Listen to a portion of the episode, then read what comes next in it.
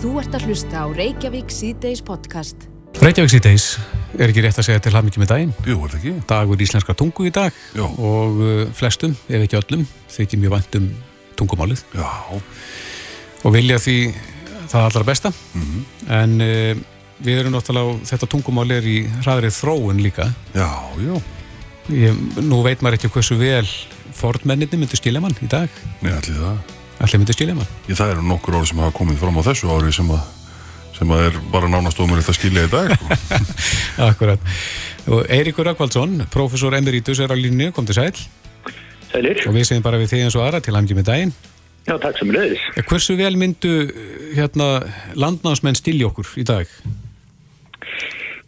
Ég hefast núna þeir myndu skilja mjög mikið. Bæðið er náttúrulega ansi, komin ansi mörg ný orð Já, um, um, um fyrirbæri í, í, í hérna þjóðfélagi og tækni sem, sem þeir kannast ekki við og, og svo hefur málið breyst heilmikið líka.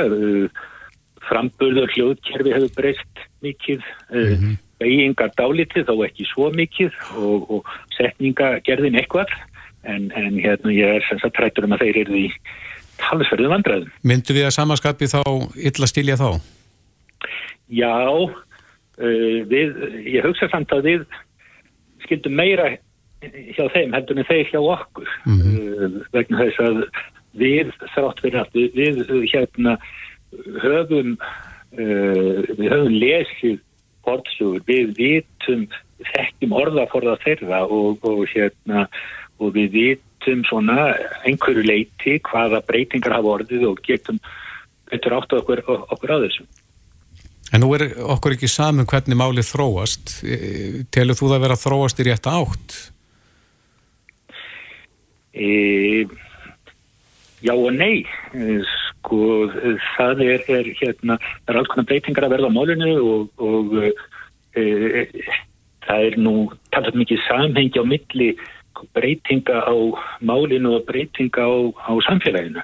Eftir því sem að, að samfélagi breytist örar og, og, og tæknin að þá má búast við að, að málið breytist örar líka og, og uh, það koma, koma ný orð og, og hérna uh, yfir ný fyrirbæri og það er auðvitað fínt uh, en annað er kannski ekki eins gott hins vegar, hins vegar hefur óskup lítið upp á sig að, að velta sér of mikið upp úr því sko hvort að þóunin sé uh, til hins betra eða hins verra vegna þess að, að uh, við, við ráðum svo lítið við það. Það sem, að, það sem að skiptir máli er að, að hérna, efla sko, jákvært viðhort til málsins og nota málið sem mest uh, og, og hérna, sérstaklega að, að hvetja ungu kynnslónu til þess að, til þess að nota málið vegna þess að, að hérna,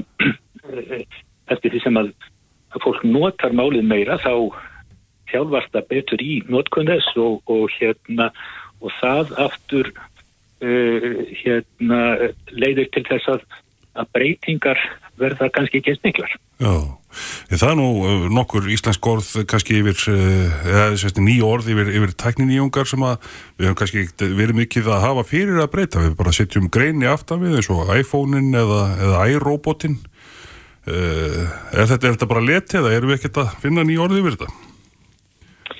Jú, það er svo sem gert, gert heilmikið í því að, að, að, að finna ný orð það við hérna getum tekið bara orð eins og og snjallsými, snjalltæki, spjaltölva, allt mögulegt svoleiðis. Það er fullt af nýjum orðum á þessu sviði. En, en, en auðvitað er hérna tróinin mjög, mjög ör og við kannski, við kannski ráðum ekki alltaf við það að koma með, með, með ný orð. Ég hef hins vegar, sko, ég hef hins vegar engar óskaplega áhugir af því þó að komi uh, einhver herlend orð inn í málið meðan sko við, við lögum þau á málunni eins og segja, við setjum greini á þau og, og hérna við meðhandlum þau eins og íslensk orð Já, eh, aftur á móti ef við, ef við sko tökum inn erlend orð og, og beigjum þau ekkert eh, leifum þeim að halda sínum eh, erlenda framburðið eitthvað svo liðis sko, þá, erum við kannski komin svolítið að vara sama brönd. Já, og svo eru náttúrulega sömu orð sem að koma og fara eins og til dæmis gemsi. Það verðist nú vera útlið. Mitt, mitt, það eru alls konar, alls konar slíkt, sko. Mm -hmm. Ég er hérna á nýjirðavef stopnunar Árna Magnússona, þarna er svona, eru ímis, ímsar hugmyndur um nýjirði og sem eru síðan gefnar engunir og ég fór hérna í í það vinsælast og þar er efst þyrnir hrós, ef við bara tökum svona nokkur orð hérna mm -hmm. þegar eitthvað gefur þér hrós sem er sagt eða meint á niðrandi máta sem er þyrnir hrós hvernig líst það á þetta? Þetta er náttúrulega svolítið fyndið svona og auðvitað hérna, hefur augljósa vísun í, í þyrnir hrós og e, e, hérna maður svona maður samt sko uh, veldir fyrir sér sko hvað, hvað svona orð sem byggjast átlið á einhverjum svona fyndni hvaða lífsmöguleika það hafa. Það var til dæmis uh, var, var valið orð ásins hérna fyrir áum áriðanflækki hérna epal ommi Jó, akkurat sem var náttúrulega fyndið í sjálfu sér svona á þeim tíma mm -hmm en, en er kannski ekki margi sem að nota það núna. Það verður ekki festið í sessi? Nei, Nei þetta er svona spurning. Já, og svo er ekki hérna á annað orð sem er kannski, það, það hefur nú lengi verið talið vanta orð yfir sko afa og afa barn. Mm -hmm. Þú veist, við erum með feðga og við erum með maðgur og maðgin og, og feðgin, en já, já. svo þegar komin aðeins ofar að afi og barnabarn, eh, hér er stungið upp að afgar. Já, einhvern veginn sé það. Já, já, sko, þetta er náttúrulega, það, það er, er alltaf þannig að, að uh, við þurfum að venjast nýjum orðum. Það er, það er mjög sjálfgeft að, að okkur finnist nýtt orð bara uh, hérna, til valið í, í fyrsta skipti sem við heyrum það. Æ. Og Haldur Haldursson, professor, sem var nú mikill nýjirðast miður og málvendunar maður, hann uh, sagði að að maður þurft að segja nýtt orð 60 sinnum til að venjast í. Já. og, og hvort að það er nú nákvæmt talið ekki veit ég, veit, veit ég ekki en, en, en eh, þetta er þetta er þetta þannig að, að hérna, við þurfum að venjast nýjum orðum og svo hérna það er ekki öll orð sem að öll nýjórð sem komast yfir þann þröskuld og, og ekkit alltaf gott að segja sko, hvers vegna sum komast yfir hann en önnur ekki mm -hmm en, en þegar þau eru komin yfir hann þá, þá bara tökum við þeim eins og þau hafi alltaf verið í málun og, og, og munum ekki eftir öðru. Mannstu í fljótu bræði eftir einhverju sem að bráðu vantar orði yfir? Nei, ég, ég svona ekki, ekki, ekki sem ég get nefnt svona bara hérna á stundinni sko en, en, en eins og þetta með ömmur og, og, og ömmubörn og slíkt, akkur er ekki lungu búið að finna eitthvað sniðut orði við þetta, þessa tengingu? Já, það, það er spurning það er spurning hérna eh, hvað, hvað hvernig þið stendur á því og, og hérna e, svo er þetta hérna breytast breytast farfinnar sem, sem að hérna það, það náttúrulega hefur verið sko heilmikil þróun núna und, á undanfættum árum sko í, í hérna uh, orðaforða um, um uh, í tengslu við kynsegin fólk, fólk sem að skilgrinni sig hvorki sem karlkynsni kvenkins oh. og, og hérna og menna þar er þar erum með uh, sko hóp sem að var raun og veru ekki ekki viðurkendur eða ekki talað um áður en, en, en er núna orðin ábyrrandi og þá, þá þarf þarf nýjórð og mhm. svona Svona, svona, svona gerist þetta sko. Já, það er náttúrulega talandum nýju orð, þá hefur náttúrulega verið mikið uh, mikið nýtt, nýju orð uh, í uh, koronaviru faraldrinum sem að, að kannski hafa alltaf verið til svo til dæmis smitgátt svo ekki sem tala um heimkomu smitgátt Jú, jú, já, já, já, einmitt allt, allt mögulegt svoliðis og, og hérna og mörg, mörg orð þar sem að, að hérna já, orðin svo sjótt kví, sko, þetta er auðvitað mjög gammalt orð í málinu, en, en, en maður heyrði það kannski ekki mjög oft þangar til í fyrra, sko.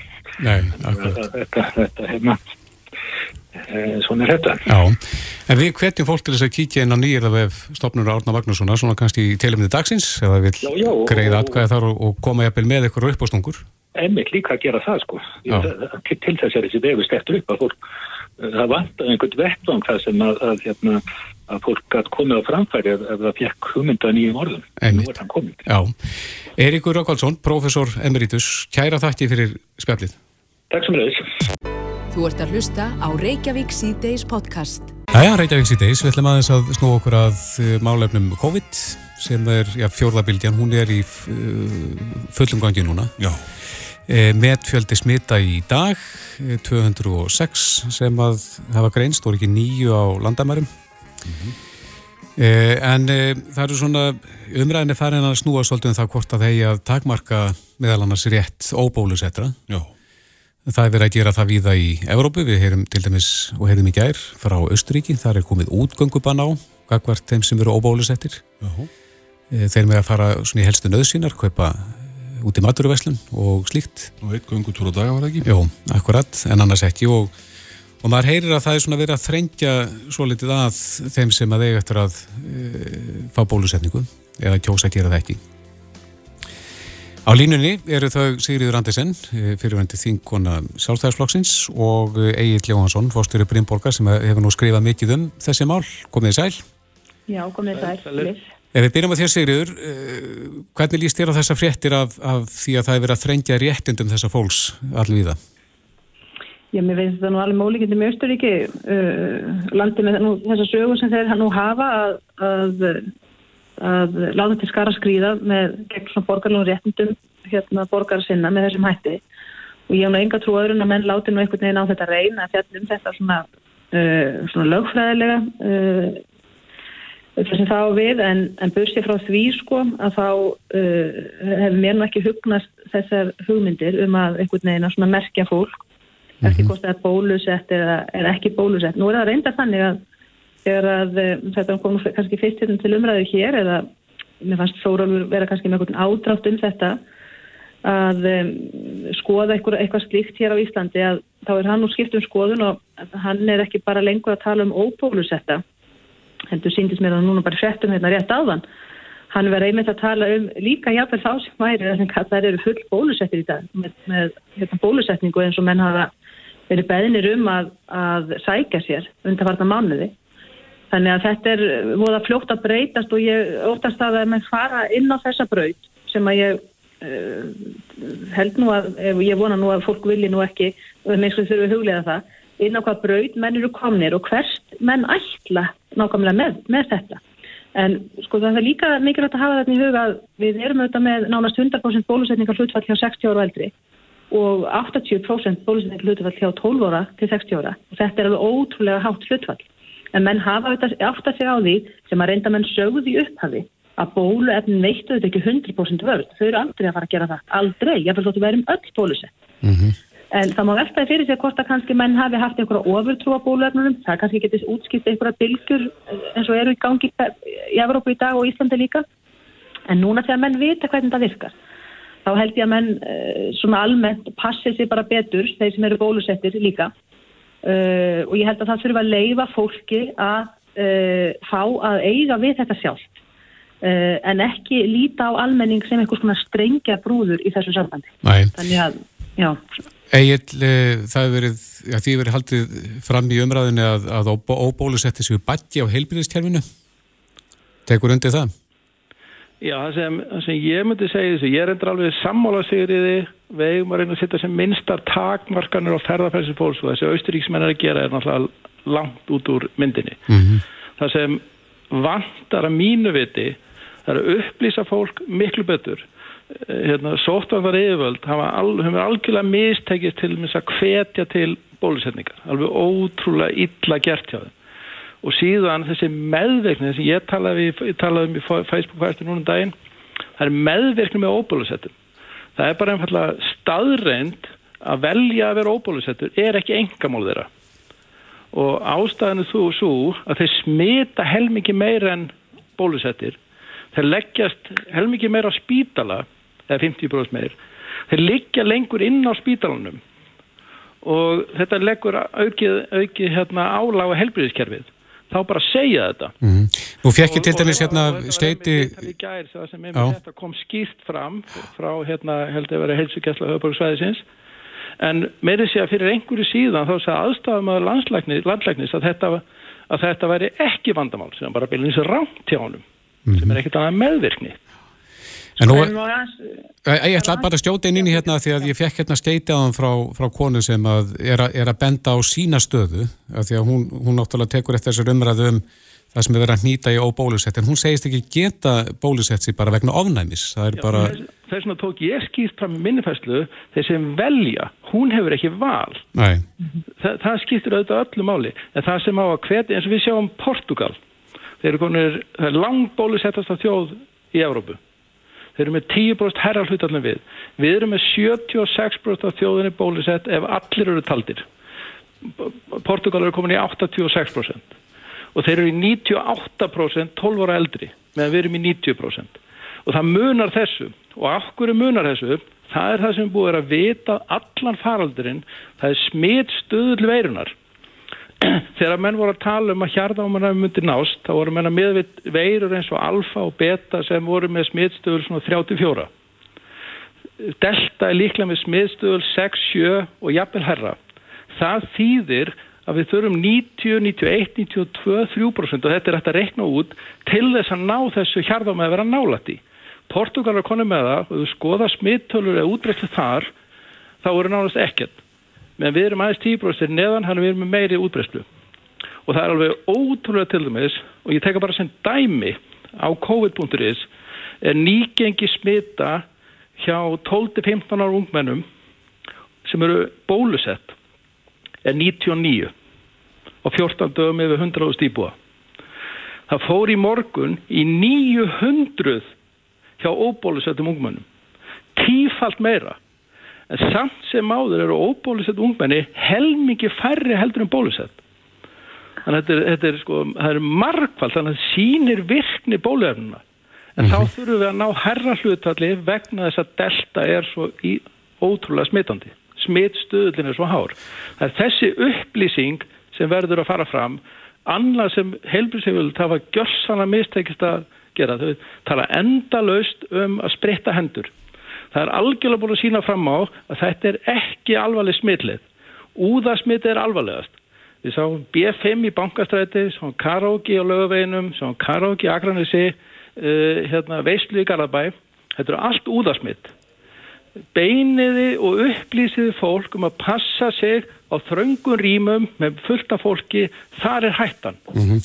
Sýrið, tekur þú undir að, að yfirvöldum hefur mistekist að, að hvetja til bólusetningar? Nei, þótt að kannski margir upplifi mig sem einhvern harðan gaggrinnanda á hérna sótarnar yfirvöld, þá er það ekki þannig að ég tæk undir þessa gaggrinni. Mér hefur einmitt fundist uh, vera bara, hafa vel verið staðið að því að hvetja fólks að fara í bólusetningu og upplýsa um, um kosti bólusetninga þó mér hefði kannski fundist líka menn hefði til að gæta þetta sangirni auðvitað líka átt að geta um uh, einhver ókosti bólusetninga vegna þess að það líkur alveg fyrir að það er ekki allir sem geta farið í þessa bólusetninga en eins og ég nefndi hérna á þann ég er ekki sammála sem tölum sem að ég hlæri þetta með en það er ekki að þrætum það en þetta bólusetningar hlutalli hérna er miklu hærra. Það er mjög hátt eins og ég sagði þetta er nárast 100% hjá hérna 60 ára og eldri og það er nú það sem skiptir máli. Unga fólki sem líkur fyrir að er ekki að veikjast það eru alltaf nú lögmál sem gildan um það en gott og vel Það er líkur auðvitað alveg fyrir að það er stærra hlutfall og bólusettra sem er að veikast. Það er líkur alveg fyrir, það er enginn að þræta neitt um það. En við höfum reyndar ekki upplýsingar um það hvernig þessi hópar eru samsettið, þetta fólk sem er að fara inn á spítala. Þetta er yfirlt yngra fólk náttúrulega sem er óbólusett, það líkur nú á fyrir og það er auðvitað meira á ferðinni, þannig að það er ekkert óæðilegt að þetta fólk sé með meira smitt. En það líkur líka fyrir að þetta yngra fólk er að veikast minna. Uh, uh, þannig að það, það hefði ekki endilega víst að þetta sé eitthvað óeðleg þróun. Þannig að mér finnst að við þurfum að horfa á þetta og svo hérna uh, sko vandin er það sem að við, við erum hefur náða kjarn umræðuna sem er ágætt eftir hérna allt þetta rex og pex hérna í marga mánuði að þá virðist mér að menn séu bara komnir niður á þá niðurstöðu að vandin liggi í fjölda rúma á landsbítalanum. Já, það, það er fjöldi starfsfólks kannski frekar. Starfsfólk, já, já, ég menna það, ég menna við erum að tala um það. Mm -hmm. Og sko, þá finnst mér einbúðist að hérna uh, menn bara einblýni á það vandamál og leysi það. Í dag til dæmis segja ég þetta á tölum frá spítalum að það liggja inni 22 sem að skráðir eru að þeir liggi inni vegna COVID. Þetta getur þetta líka verið og það segja með það læknar á spítalanum, fólk sem hefur verið lagt inn af öðrum ásókum en að greinist með COVID, það þarf að sinna þeim eins og COVID-sjúklingum. Og við höfum alveg fulla skilning á því. Það er að önnur svona vinnubröð sem þarf að viðhafa að gagvast þeim. Já. 22 í dag. Af þeim eru, eru tíu sínist mér hérna, tíu uh, hérna, óbólusettir, eða tólf. Já, og, við, og þannig við getum út frá þessum tölum sko ef við gerum við á fyrir að allir væri bólusettir þá myndum kannski liggja inni 14 í staðin fyrir 20 og 2 í dag, 14-15 manns þetta er töl, en tölðan segja okkur það. Við erum að tala um að það þarf mögulega spítalinn þarf að, að geta tekið við segjum 10, 15, 20 manns fleirum á hverjum tíma með þennan sjúdóm þetta er ekkert sko, ef ekki genvísindi að leysa þetta. Menn þurfa bara að gera það. Hvar, það hvar stendur nýfurinn í kúnni þá varðandi Já, lausnin á það því? er mönnunin, menn það líkur alveg fyrir en að menna, það líkur alveg fyrir að mönnunin á sama tíma berast fréttir af því og það segja með það fólk sem er núna í sóttkví fílelt fólk, hraust, einkennalaust er heima hjá sér að það er verið að syngja mörgu sinnum óum beðið þetta fólk, hjúkunafræðingar og hérna menn veltaði fyrir sér hvernig stendur á því að þetta er fórgámsöðun svo sem ég lesi reynda frétt í dag um það að spítalinn hefur nú tekið ykkur yfir, það var tekið ákveðnum að fælka þessum símtölum. Ég segi þótt fyrir hefði verið. Er, er þetta ekki eitthvað svona, svona skipulagsleysi í gangi? Að vera að eigða orku og mannabla í þetta, að vera að syngja í einkennlöst fólk. Það er ekki verið að syngja í krabbaminsjúklinga, sko. Nei. Það er ekki verið að syngja í aldraða hérna, sem að vita eru fársjúkir heima hjá sér af öðrum, öðrum orsökum. Það er ekki syngt í þá og þeim búin þjónusta. Það eru aðstæðanir þeirra sem að eru í vandræða með að fá heima aðfinningu aldraða uh, um langan tíma.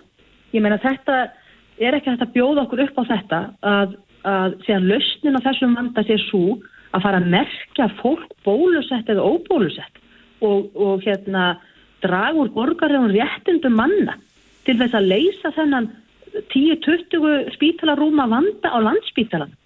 Þetta er algjörlega óbáðlugum málflutningur og ég mun hvar og hvenar sem er þótt að ég stiði í bólusetningum mér finnst að menna ég að, að, að fá bólusetninga þegar það er síta menn að það gagnist mönnum sérstaklega í talanum þeim eru viðkvæmir og annað en ég tek undir uh, brýningu sóttvarnar yfirvöldum persónulega sóttvarnir þar á meðal sprittið og allt þetta. En ég mun standa vörð um þessi borgarluréttindu og réttindi manna líka til að þykja ekki bólusetninguna. Já. og, og einn frétt frá landsbítalans sem er nú áhugaverð. 460 starfsmenn landsbítalans voru ekki bólusettir. Og það kom í ljós þegar eftir því var gengið að 20, einungis 20 af þeim kusu að fá ekki bólusetninguna. Gott og vel það er 20 manns. Restin af þessu fólki var ekki bólusett út af ymsum ástæðum. Meðal annars því að þeir bara gáttu það ekki væntanlega á þeim tíma. Þetta- menn verða að hafa þetta í huga. Og, hérna, og, ég, og, og, og ég var að við þessu og ég það, með miklu vonbröðum að heyra fórsetisráð þeirra og fórustmenni ríkistjóttinni taka ekki seintis af skarið með það að þessar hugmyndir þær kom ekki til greina hér. Og ég vona þá að þingið með stöðvið þessar hugmyndir vegna þess að hvert, við, við, meina, hvert væri við komin? Við erum með aðra aðra flokka manna eða hópa manna sem að valda miklu álægi á spítalum á hverjum tíma. Einmitt. fólk sem tekur ekki lifin sín Sigríður, fólk við erum að falla tíma. og það er fram til göttu Það er Eh, með, með tölunar þetta er algjörlega tö, tö, rétt að tölu ég með þetta verið fram mig. Hvað er, hver er vandin að nýgengi er núna yfir 500 það er vandin og ef að þetta dreifist meira þá er okkur hlutal sem fer á spítala. Þá þarf að ná nýgengunni niður. Hver er stærst eh, hver er mest fjöldin á baku nýgengið? Það eru ekki fullbólusett börn segði á hann 900 ekki fullbólusetti fullotnir 800 en börnin eru ekki að veikjast eigin sko. byrði til að klára þetta. Þannig að þetta er ástæðan fyrir smitunum. Þú nefndir á hann hérna, hérna aðstöðun á landsbytalunum. Þetta er alveg rétt. Þetta eru, eru tveir flöskuhálsar virðast vera. Það er, heil, það er hérna bráðamóttakan og COVID-eldin. Og auðvitað þarf að efla það. Það er aldrei augljóst og með ólíkit maður sem ekki búið að gera lengur. Það er búið að tala um fráflæðisvanda sennilega í 30-40 ár. Maður er búin að heyra til 30-40 ár. Þannig að, og annað, þessi símtöl sem er að ringi fólk það er eðli sjúkdómsins hann er dálítið lúmskur. Fólk finnur ekkit fyrir þessu í 7, 8, 9 daga frá smiti. Og tíunda degi er fólk að krassa. Og þess vegna er verið að ringi fólk. Og það sem er að gerast fólk er ekki einu svona að upplefa sér veikt en það er komið í súrefismettur nýri 80% og þegar símtali kemur þá er verið að vakta þetta. Það er ástæðan það vakta með símtali það segja þá allir sem að fengið símtali það er ekki verið að vakta með símtali Menna, ef það vantar hjúkunarfræðinga á vakt á landsbítalunum þá ættu þeir að vera á vakt á landsbítalunum en ekki síman. Menna, fólki er treystið að syngja á spítalunum þegar það er orðið veikt og huga sinni heilsu og fólk verður auðvitað að taka ábyrða þessu sjálf. Mm -hmm. Ég, ég var að nefna á hann, þetta er ótrúlega sjúkdómar að tíleiti að fólk áttar þessi genið sinni sjálf, svo krassar það. Þetta eru bara þekkt dæmi. En það verður ekki greint í gengum síma heldur, sko. Nei, við verðum að setja punktin hér og mér heyrist bara niðurst að vera svo að það þarf að laga hlutininn á landsbítalinn áður að verður farið að stjærða rétt og bólusettra. Það er eigin um það að það er ekki að merkja fólk og bólusettra. Já, algjörlega, algjörlega. Nú hvað, já, já. Sigriður Andersen og Egil Jóhansson, kæra þætti fyrir spjallið. Já, takk fyrir. Þetta er Reykjavík C-Days podcast. Jæja, Reykjavík C-Days á bylgjunni heldur áfram. Já. Við skundum þetta, létti ljúfur að kátir. En e, það vakti aðtegli margra þegar að Inga Sæland stopnaði fjesbókarhóp núna um daginn. Já. Þessi fjesbókarhópur hefur fengið nafnið Vörusvik skástrík Neitenda Vend. Já. Neitenda Inga Sæland er á línunni, kom til sæl. Já, heilir og sæli. Já, hvað var til þess að þú ákvæmst að stopna Facebook-hóp um Neitenda Vend og Vörusvik? Já, það var nú bara einhvern veginn drópin sem fyrsti mælinn þegar ég ætlaði nú að fara að berja í klessu mínar faguru kótilettur sem ég held að væru og var að fara að velta þeim úr raspu og það var bara algjör að veistlu hérna um helgina. En uh, úr pókanum kom meira og minna svona súpugjöld nú það ég elska súpugjöld og framhyggja kjött og alls konar kjött og bara yfir höfu lampa kjött mm -hmm. uh, en uh, ég vil gerna borga fyrir það sem ég er að kaupa og byggja um. Þannig ef ég er að kaupa kótilettur þá vil ég ekki borga tvörfald, þrefald verð og setja fyrir með ódýrari afurð eins og súpikjöld. Nú, þetta er, þetta er í rauninni ofalgengt að mínum að til við sjáum allan eitt annað pista flokkskjöld eins og við þekkjum öll. Maður kaupir sér uh, kjöld í póka, ekki kótilutu þá í þessu tilviki heldur kannski uh, súpikjöld og útkoman að stólhutaði fyrir röstli. Já af því að það er bara uh, þriðjaflókskjött inn á milli mjög mikið af því. Það eru hæklar og það eru rifjabittar og það er bara alls konar og hann er eh, engu lík. Eh, þannig að hérna, hann er kannski komin tími til að, að við neytendur, neytendur förum bara eiginlega eiga val og fá að kaupa og kaupa það sem að, að hérna, við erum að byggja um. Já. Og þurfum ekki að velkjast í vafa um það hvað umverulega við erum að fá uh, hérna með okkur heim. Já, myndir þá uh, vilja fá einhvers konar svona flokkaskiptingu á kjötpakkan svona eins og í þessu tilfelli? Ég vil bara að því að bændurnir kunna þetta, þekkja þetta, vita þetta þegar ég bara koma með sína hérna, eins og ég veist ekki um að það hafa gert. Þeir flokka sitt kjöt algjörlega og Já. ég veit að, að, að fá greitt fyrir það hjá afverðastöðunum sem að í rauninni þessu tilviki SS umbreytir við eitthvað allt annað og það, það vil til dæmis vera einhver miskilningur hér að ég sé að ég sé að skammast út í bændur sem er algjörlega af og frá. Já. algjörlega af og frá, ég ber fulla vinningu fyrir þeim og mikla vinningu fyrir þeim. Og þeir eru algjörlega ómetanlegis fyrir uh, land og þjóð. En ég er að agnúast út í þá sem er að pakka afurðunum og, og, og selja okkur þá í, einhverju dölagerfi Já, en síðan þú settir síðuna í loftið, hefur þú þá fengið svipaða sögur? Sko, já, nú er ég náttúrulega bara veikina það að ég gerði þetta í, í, í hérna, einhverju einhverju hérna, fá ég að segja í einhverju flíti meðferð núna eh, um helgina í ljósi Já. þess að ég hef nú bara ekkert gett að synd þessu meira því ég er í þessari undibúnis kjörbrefa nefnd eh, eilega nefndin í svo kallu í mínum huga og hérna og vann nú að stíga út af fundi að ég held nú með 27 frekkan 8 akkurat núna. Uh, þegar ég er að koma að spjalla við ykkur. Þannig að Ég hef ekkert gett að synda þessu en ég mun gera það. Og ef ég hefði til dæmis ef að tingið hefði verið að störfum sem því miður er ekki þá hefði ég farið með þetta undir þann lið í, í, í tinginu sem að nefnist störftingsis þar sem að við fáum tvær mínútu til að koma saman og, og, og, hérna, og tala um það sem að okkur líkur helst á hérsta og finnst ábúta vant og í þessu tilviki og finnst það komið tími til að við eh, hérna fáum það sem við viljum borga fyrir og kaupa ég þekki það bara eigin reynslu að það eru mjög margir sem eiga um sátt að binda og það er í rauninni til hátíðabriða sem að fólk er að kaupa sér eh, dýrari afurð og, og allar að gera sér dagam Já, það var náttúrulega eh, frekar dapust já, myndur þú segja að Íslandingar væru svona, væru, væru lélegi neytendur, ég myndi segja að við værum seint treykt til vandraða Já, Látum ímislegt eh, yfir okkur ganga. það. Ha. Látum ímislegt yfir okkur ganga. Já, ég myndi segja það og þess vegna langar mig til það að styrkja við eins og neitt þetta samtökin og annað slíkt, við höfum bara að virkja þessi samtök ennþá frekkar og Brekki Karlsson er rosalega öflugur og duglegur hefur dreigið margt fram en, en við þurfum að gera mikið, mikið betur. Og þú vilt vantilega sjá þennan hóp stækka sem að þú stopnaðir? Já, ég ætla að vona bara að hann blómstir um leiður ekki fara að sinna honum, þetta er nú eins og með bara börnun okkar, við verum að sinna þau, sinna þeim svo þau vaks og, og það mun ég gera með þennan hóp, eflan styrkjan virkjan, þannig að við verðum alveg þrýsti afl Já, akkurat. og hérna, En þú talar um þegar þú hefur tíma og þú hefur náttúrulega verið setið sveitt núna á fundum með undirbúningsnefndinni, já, undirbúningsnefnd kjörbrífanemndar ef ég fer rétt með. já. E, það fer að stýttast í niðurstöðu. Að hverju hallast nefndin? Nemndin í rauninni er afskaplega fagleg og, og vestir upp öllum, vestir við hverjum steini og, og hérna þannig að ég er nú ekki ennþá uh, búin að fá að sjá það. Við erum til dæmis núna bara komin á, við erum svona áloka metrónum, komum öll gogg, þingið hefur unni skrist og þingið er alveg gríðarlega mi mikið verk til að setja hendurnar á okkur uh, og, og teikna upp allt sem við höfum verið að vinna með gesti, gesti og sérfræðing og alla sem hafa komið fyrir nefndin og það er búið að dragast saman í, í, í, í helstaða mynd fyrir okkur og nú búið að nýta þessa lausu enda þannig að það er okkar að, að hérna taka síðan. Já, en að hverju hallast þú ef, að, ef við kannski spyrjum þá um þína skoðu? Nú ert þú búin að sjá málsins að mestu leiti.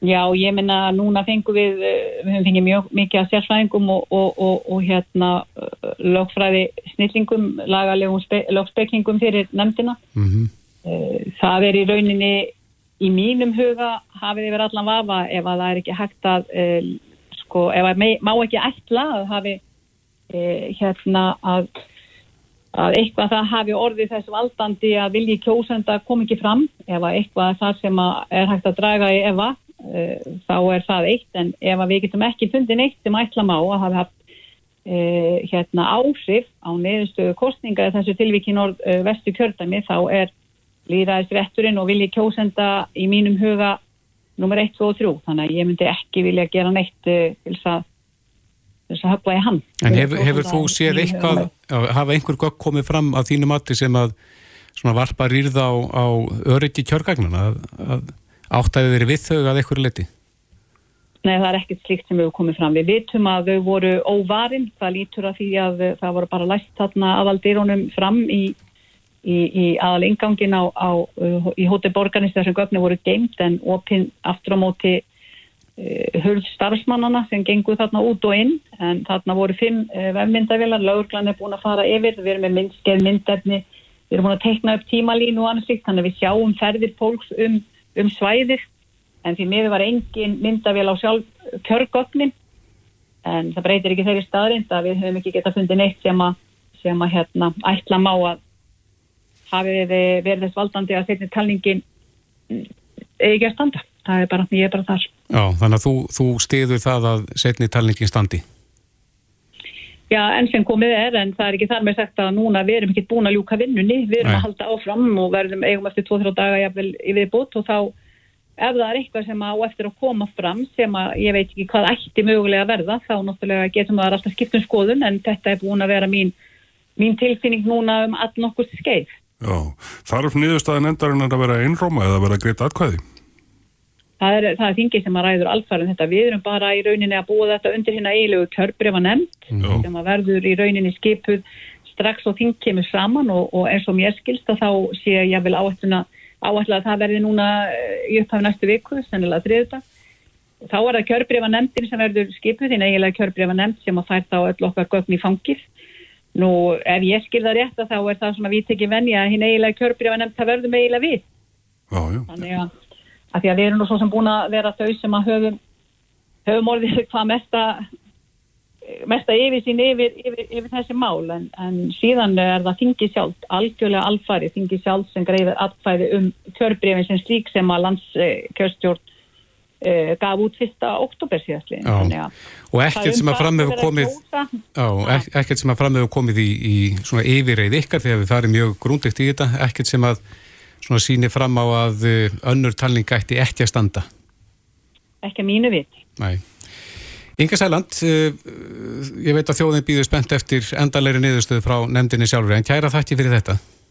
Og takk fyrir ykkur. Reykjavík síðdeis á Bilginni podcast. Það er umræðan um COVID heldur áfram Já. og stöðuna, hún er að versna, uh, var ekki... Meðtölur í dag. Meðtölur í dag, uh, 206, einmitt.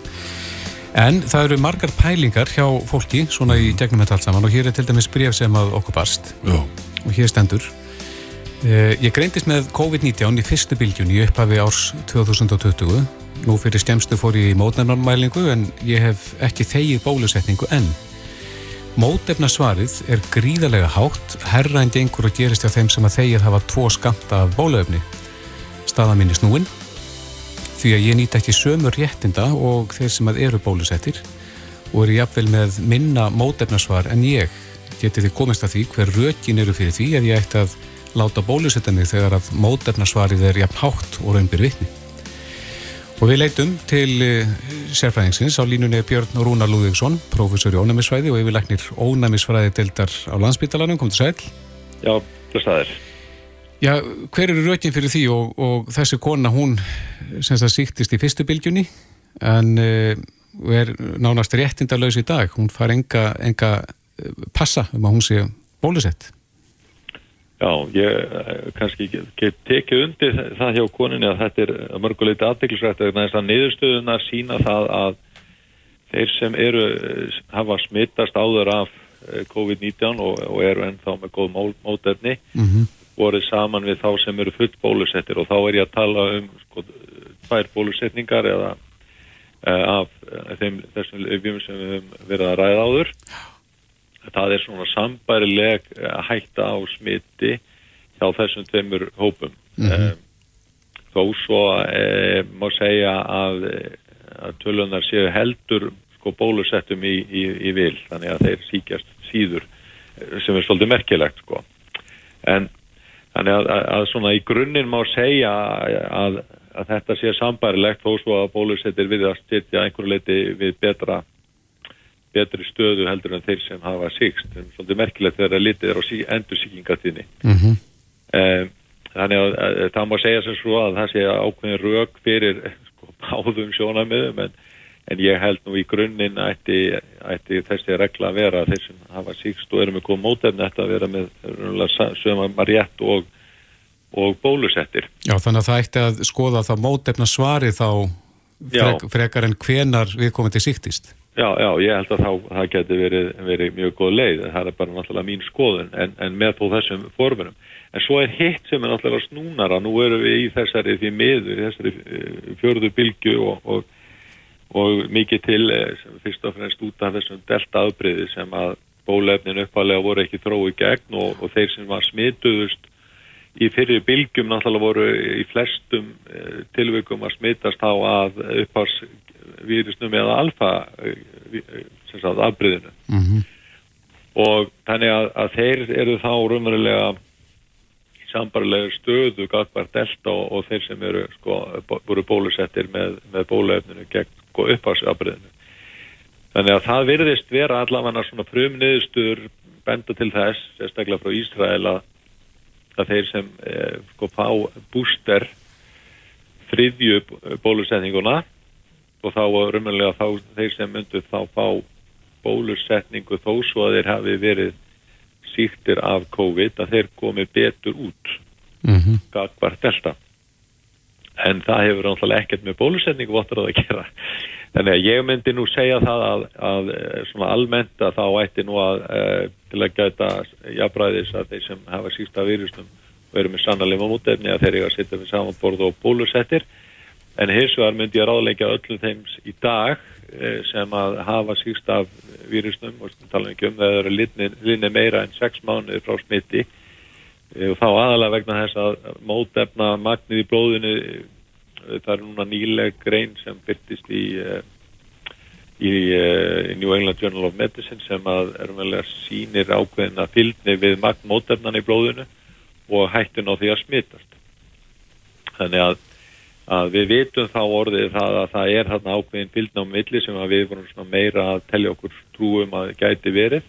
En nú eru niðurstöðunar allavega að sína það. Þannig að Þannig að ég myndi þá ráðleika þeim sem hafa smittast og talangjum að það er meirinn 6 mánuðir liðnir og sérstaklega þeir sem er áður hópum eða 50 ára eldri að fá endur fá núna endurbólusinni til, til að verjast sko þessari eh, innrást núna í fjörðurbilginni af deltaafbröðinu. Mm -hmm. En þessi efni, bólefni sem er að koma núna eh, til landsins, er, er gert, tekið mið af þessu deltaafbröði við framleiðslun á, á þeim?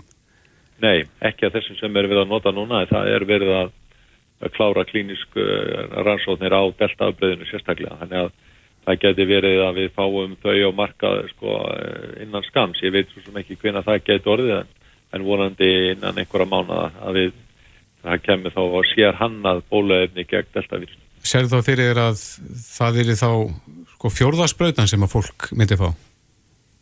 Ég efast um að að það þurfi miða við niðurstöðuna núna, þar eru virast að nokkuð góðar niðurstöður á því að verja gegn delta ef maður fær þrjásbröður eða fleiri og, og sérstaklega þessar niðurstöður sem ég held að við nú rætt við ykkur áður sem byrtust nýlega sem sína samabyrðin á það sem eru full bólusetti með tögum bólusetningum með að við þá sem fengur þrjár bólusetningar að þeir eru búin að fá þrjára þeir síðast síkja sko mun síður heldur en og smita síður líka mm -hmm. heldur en þeir sem eru engungum með tvær bólusetningar þó svo að, þó svo að þeir sem eru fullbólusettir þar sem með að við tvær bólusetningar smitast líka síður og, og, hérna, og smita síður aðra heldur en þeir sem eru ekki bólusettir þannig að við fáum svona markvöldunar áhrif mm -hmm. af, af vördinni mm -hmm.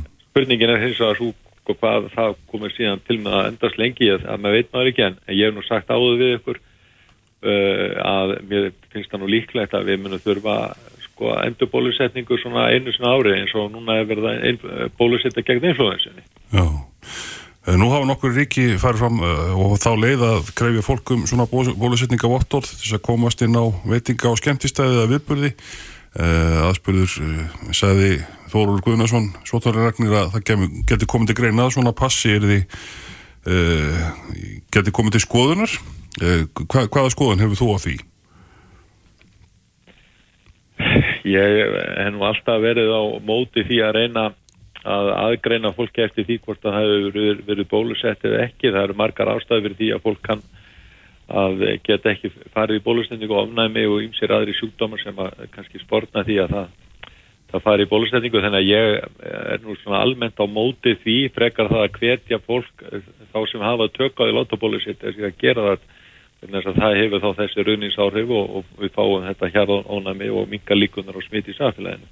Það hefur til dæmis sínt sig nýmuna ymitt í, í þessari grein sem ég var að vitni í áðan í New England Journal að, að meðal heimilismanna sem að voru ósmittaðir en, en, en, þar, en voru með, samt í, í, í heimili þar sem að aðri heimilismenn voru fullbólusettir að smittíðni eh, þeirra er miklu minni eh, þannig að þeir fá verndun af því að vera meðal bólusettra fjölskyttumedlama það er, það er svolítið merkilegt og það hefur náttúrulega bara sko, skýrskotun það út í samfélagi þannig að við sem höfum tök á því og kost á því að láta bólusetja okkur að við höfum endilega að gera það fyrsta lagi til að verja sjálfu okkur og ekki síðu til að verja þá sem eru í, í náttúrulega sterkningu ykkur og, og þessi rannsótt sínir einmitt sko fjölskyttumedlimi mm. þannig að, að að ég held að það svona er, er uh, lóð og vogaskólanar í, í þessari umræði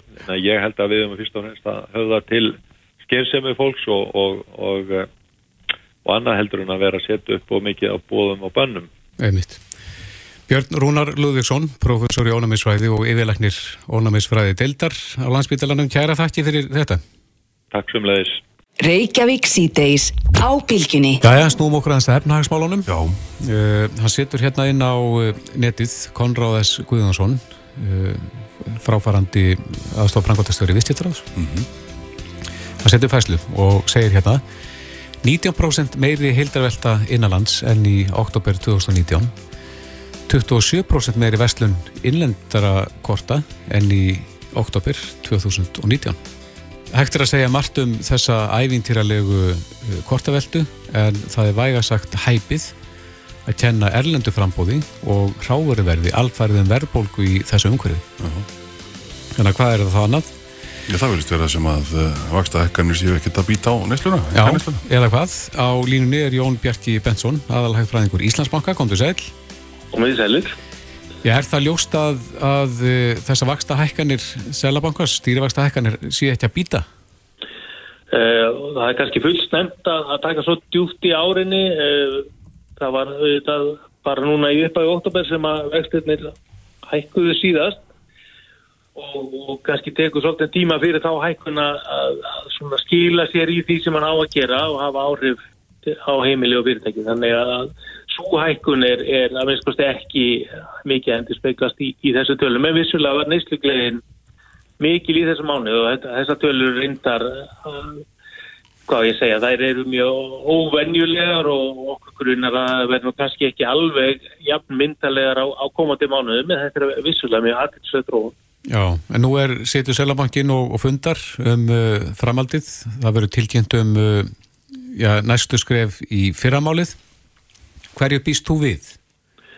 Uh, við gerum ráð fyrir að þeir muni hækka vexti. í, í síðasta skiptið á þessu ári eins og þeir hafa gert núna í þrýgang uh, og það er svo sem ekki útilokkað að stærra skrif verið tekið en, en okkur finnst þetta samt líklegast að þau haldi áfram á sömu braut og hefur verið núna í, í trefnur undanfættum vasta ákvörðunum. Að trappa vextir upp? Já, þau eru svolítið að, þau eru svolítið að fara ókannar eða líkannar lendur varðandi það að, að í fyrsta lagi þá eru vextinni sjálfur óttir miklu virkari heldur en voru áður. Við þekkjum það á, á því hvað uh, hlutvall óvertriðra íbálána hefur, hefur aukið skífulega og er núna orðin rúmur helmingur út í saman til lánum. Mm -hmm.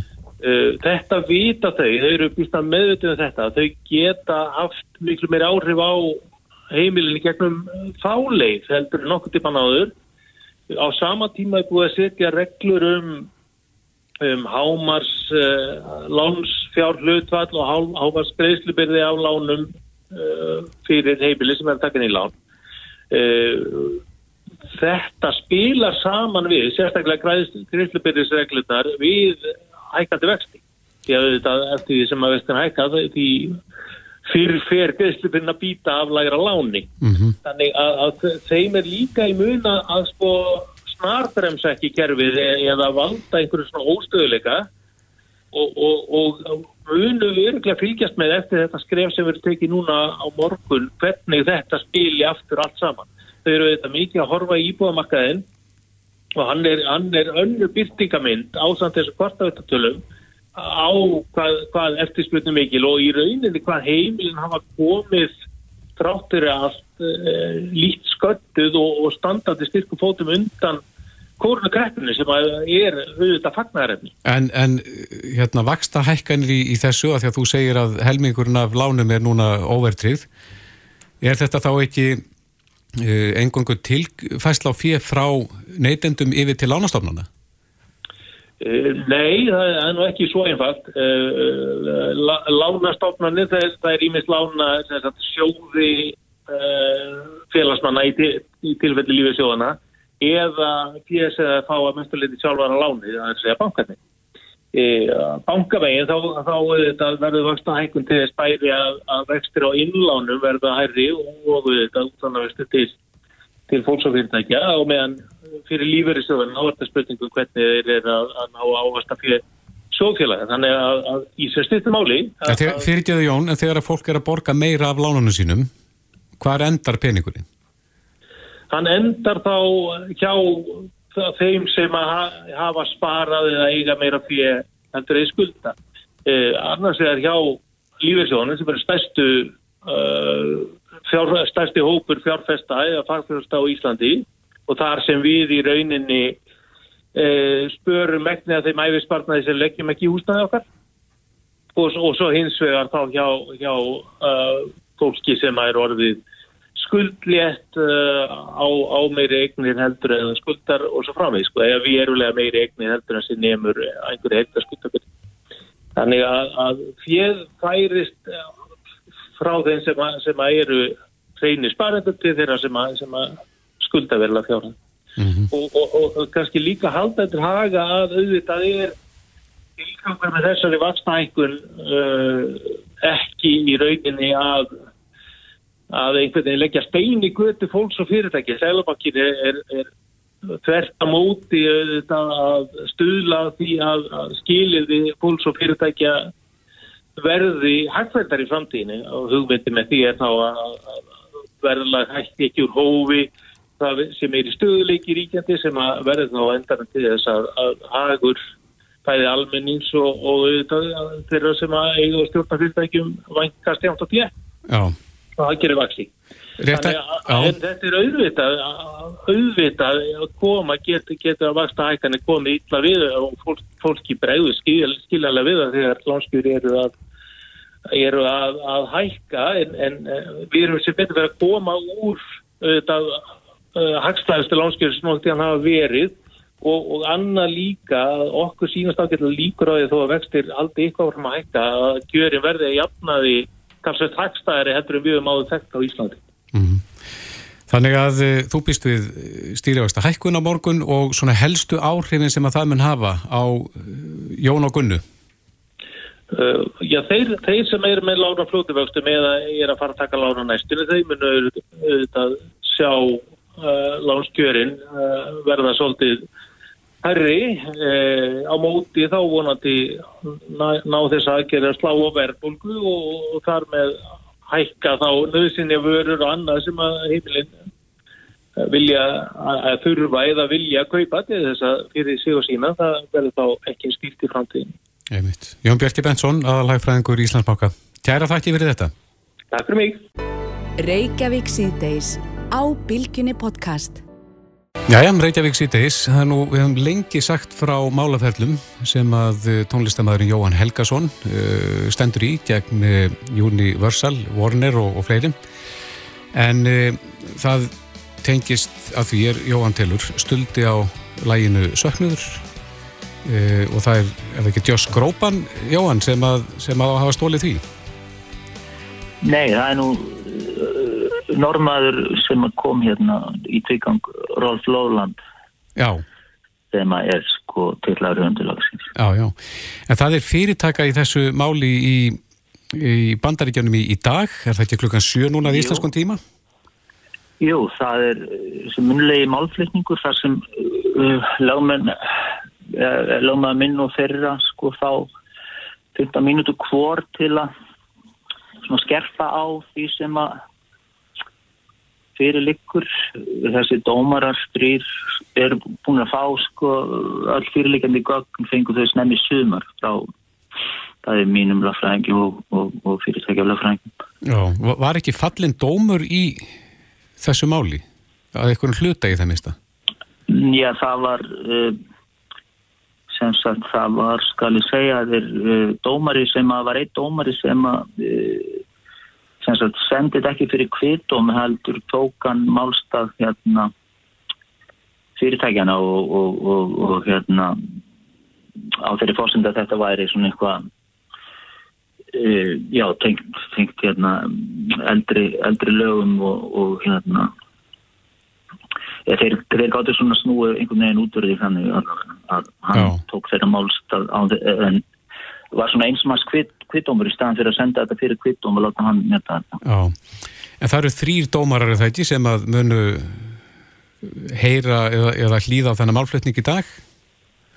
Jú, jú, það eru þrýr dómarar og uh, hérna, eins og ég segi, þeir eru búin að fá öll gögnmálsins á mm. báða búa og uh, það skilst mér er ást hannig að dómarar eru búinir að gera upp hugsin eftir yfirferð á slikum gögnum. Mm -hmm. og það er meira þessi að þá spyrja spurninga. Já. Og það er eitthvað, eitthvað sem er óljóst. Að Hverja metur möguleika þín á að vinna málið? Já sko það sem að við stendum að var í upphafi var ein- einfallega þetta færi fyrir kvitum og það myndi skera úrumynda en, en þessi eini dómarið sem að dæmdi þessu upphafilega kom í, kom í vegt fyrir að færi fyrir kvitum og, og hérna Minka líkurnar þá á það sigri? rauninni- Já, sko, þá var þetta náttúrulega þurftum að þeir, þeirri nýðstöðu sko. að hann, hann uh, ákvaða hérna að þetta fengi ekki að fara fyrir kvitum og við, við áfrýjum því og þeir sömulegis áfrýjuðu að uh, fjárkrafa þeirra á mig var fælt niður Já, já. þannig að þetta eru tvö, tvö mál sko, Já, þannig að núna í rauninni kemur það í ljós eftir, eftir þessa, þe- hérna, þennan málflutning í dag, hvort að máli fari fyrir kviðdóm eða ekki. Já, þeir, þeir vantanlega, þeir, þeir munu sko, sem sagt ákveða það eftir þetta er svona lokað, eins og ég segi, þeir eru búin að kynna sig upp gatnin og, og svo spyrja þér þá uh, það sem að einhverja spurningar sem að í viðbótt og, og, og lögmenninni skýra út uh, sem sagt málið sko, hvort fyrir sig Já. frá, frá, frá, frá þeir sínu sjónaðurni og síðan eru dómarnir sko munu ekki sko gefa svar fyrir fyrir eftir áramót Já, þetta tekur allt mikil tíma greinilega. En hvað er í húfi Já. fyrir þig, Jóhann?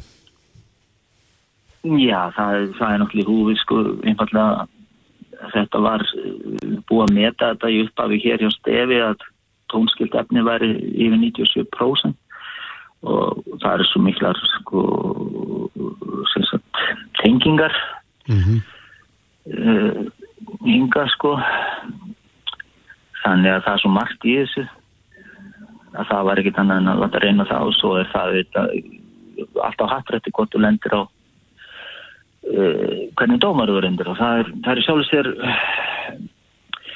en, uh, en gera, við erum að bara gera okkar besta í þessu og það er svona meira er ekki hægt að gera og, og svo kemur bara nýðsta og þá verður menna að taka henni en, en, en, en, en auðvitað vonum við að við höfum betur í þessu, þessari áfríun ef ekki þá er uh, jú auðvitað að fara í, has, í hastæri sko. En, en hérna auðvitað vonum við frekar að þetta endi vel núna sko. Þetta verið, er þetta dýr málaferli?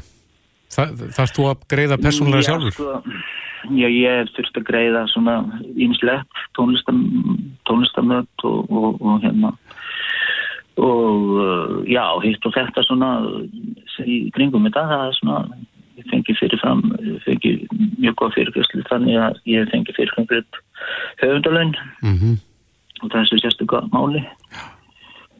Og þannig að hérna Ef, ef að þú vinnur málið, eh, þe- þetta snýst um þetta lag You Raise Me Up er það ekki, jú, jú, sem að þykir ótrúlega líkt söknuður.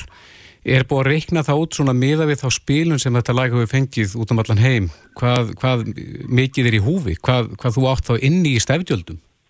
Það er nú ekki búið að þeir voru aldrei búin að skila því inn sko þar sem að, að, að dómarinn sko afgriði þetta þarna, þessi eini dómari afgriði þetta út úr sem sagt já, þá var, voru þeir aldrei búin að senda inn það sem að lögmaður mig var búin að byggja um en það er náttúrulega alveg ljóst að það er alveg gríðaleg e, sem sagt gríðalega mjög tekið sem að fyrirtækinu hafa haft þessu lægi og það er uh, já, Ef þú ættir að skjóta á tölu nei, ég held að það og leggur ekki það? Tugi, hundruð miljóna? já, það, já, já, það er náttúrulega sko í svona málum þá eru það okkurna skafabætur og síðan er þetta þá einhver einhver svona eh, en svo eru þetta líka til í dæmanu menn hafa samið um eitthvað sko einhverja en, en, en þetta eins og segi það var ekki al, að náttúrulega aðrið þetta var bara ekki takt annað en að Að láta á þetta reyna? málsins þannig að láta á þetta reyna og e, ekki síst það sem að ég fekk svo öfluganlega fræðing og, og annað til því sko. Já. Ég við skulum krossa fingur að þetta fara allt saman vel eftir málflutningin í, í Los Angeles í dag klukkan 7 að íslensku Já. tíma og, og e, hvor aðili fær 15 mínútur er það ekki til þess að flytja sitt mál Já, Einmitt. Jóhann Helgason tónlistamöður, gangiði vel, kæra þakkir já, já, takk fyrir, takk. Hlustaðu hvena sem er á Reykjavík C-Days podcast. Jæja, Reykjavík síðdeis, við sjáum það í fréttum að klappið hefur tekið gildi. Þetta er nýtt greiðslu kerfi Strætó. Á línunni er Jóhannes Rúnarsson, frangvöldastjóri Strætó, komdu sæl. Já, sælir. Já, út af hvað gengur klappið þegar við byrjum á því? Eh, Klappið er í sjálfu sér bara rafrænt greiðslukerfi sem er bara að taka við á svona gamaldags greiðslukerfi sem hefur verið við lífi í vögnunum hjá okkur sem að felst í því að þú það gerst bara með kort sem þú sýnir vakstjórunum Mm og nú fer þetta út í það að þú ert með kort eða, eða app sem þú berði upp að skanna og þá metur skannin hvort að fargjaldi sem gilt er ekki. Þannig að þú þarft ekkert endilega að gefa þið fram við vagnstjóran þá, sem slíkan. Nei, sér ekki sko. Við látum reyndar alla ganga inn um framhjörðina þannig að hann, hann sér þig en í framtíðinni þá er alveg á að hafa fleiri skanna í vagnum og sé að ganga um aðra hörður. Það er ekkert því til fyrirstöðu. Nei, en uh, þið breytið það vantilega eftirlítinu með því að allir séu búinir að kaupa fargjald? Já, nú, nú ber fólk svolítið sjálft eh, meira ábyrði að borga rétt fargjald og, og það var sett inn í lög núna á vorstingi að við höfum heimilt að leggja svona fargjald á, á þá sem ekki borga rétt fargjald. Það er reyndar ekki alveg tilbúið, við eftir að semja svona reglur um það að fá það samtýttar hjá, hjá stjórnvöldum. En, en við vonumst til þess að það verið tilbúið bara fljótlega á nýja ári en, en núna erum við bara svona að fara í svona hæga innleiðingu á nýju kreislikerfi svona, en ég fólk við þetta, er þetta breyting. Já, þannig að byrjar þetta stranga eftirlit ekki strax þá? Ég er ekki kannski alveg strakk, ekki alveg samlega upptökunni, við erum eftir að semja regluna og það verður auðvist nánar sko. Já, En þetta hafði við bara til allra að borga rétt fargjald. Þetta er náttúrulega bara samfélagsstjónusta og, og er niðurgjöld nú þegar þannig að okkur veitir ekki að fá þetta litla sem við fáum í tryggjara partum. já, þetta tók gildi í morgunum það ekki? Þetta var vikt í morgun, já. Og hvernig tókst til og hvernig við gengið í dag? Það hefa, ekki komið upp neinn stór vandamann. Það hefur verið svona minni haftar en það er ekkert sem að við getum sagt að hafi komið okkur á óvart. Þetta er náttúrulega bara tölvukerfi frá allu og, og ég vögnu sem bara hreymingu þannig að þetta, þetta hefur ekki verið neitt stórvæðið sem hefur komið að. Komið upp. Er, er þetta greiðslu fyrirkomulag sem að eh, fólk þekkir og á að þekki annar staða frá? Já, ég held að ég getur nú að ég svona fullist að við séum svona síðasta landi í þessu vestræna heimi sem tekur upp svona rafrænt greiðslukerfi. Við þekkjum þetta frá útlöndum, við erum kannski svona hoppuð við nokkra kynsluður sem hafa verið í líði útlöndum Mhm. og farið í nýjustu kynsluðuna og munum kynna nokkra nýjungur á næsta ári eins og til dæmis snertilös greiðslu, að geða greiða með símum og, og fleira greiðslu þak, sem þú borgar bara ákveð marga ferðir af í daginn og yfir vikuna. Þannig að það er ímislegt á döfinni, þetta er bara svona fyrsta skrefi sem að það var sett á staði morgun. Já, er, á þetta að vera þægilegra fyrir kúnan eða farþegana?